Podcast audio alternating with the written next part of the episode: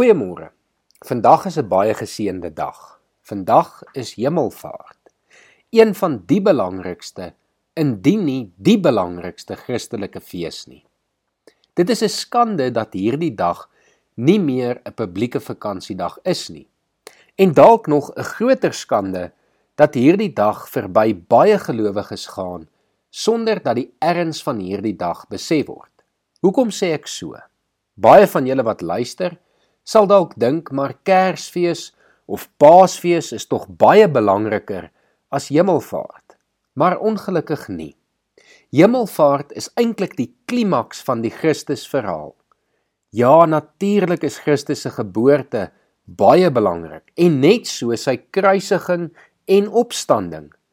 Maar die storie stop nie daar nie. Dit is nog nie klaar nie.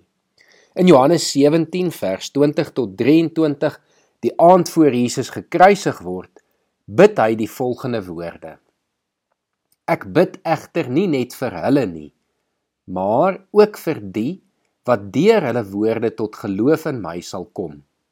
Ek bid dat hulle almal een mag wees, net soos U Vader in my is en ek in U, dat hulle ook in ons mag wees sodat die wêreld kan glo dat U my gestuur het.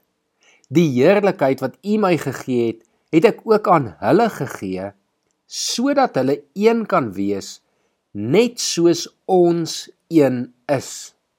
Ek in hulle en U in my, sodat hulle volkome een kan wees, sodat die wêreld kan weet dat U my gestuur het en hulle liefhet net soos U my liefhet. Jesus bid hier vir eenheid tussen God en mens. 'n Eenheid waar ons as mense in God is en God in ons.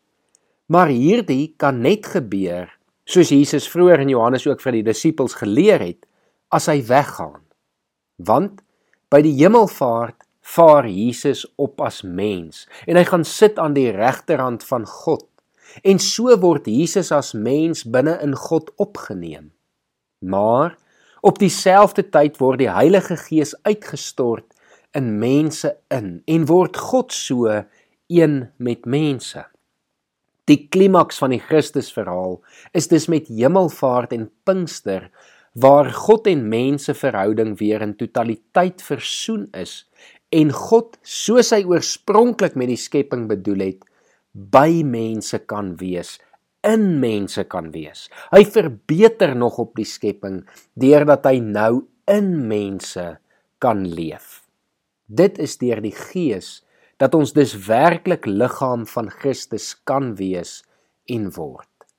Wat 'n voorreg en 'n goeie rede om te kan feesvier. Mag jy vandag dan ten spyte van die feit dat jy dalk moet werk, werklik feesvier en bly wees oor wat God vandag vir ons soveel jare terug gedoen het. Kom ons bid saam. Here, dankie dat U een met ons wil wees. Dankie dat U in ons wil lewe. Here, dankie dat U dit moontlik gemaak het en dat hierdie gebed van Jesus bewaarheid is, Here. Dat U Gees nou binne in ons woon en dat ons een met U kan wees. Here, mag U vandag ons lei Mag ons bly weeg, wees hieroor, mag ons fees vier hieroor en mag ons getuies wees hiervan teenoor diegene wat vandag met ons in aanraking is. Ons bid dit alles in Jesus Christus se naam. Amen.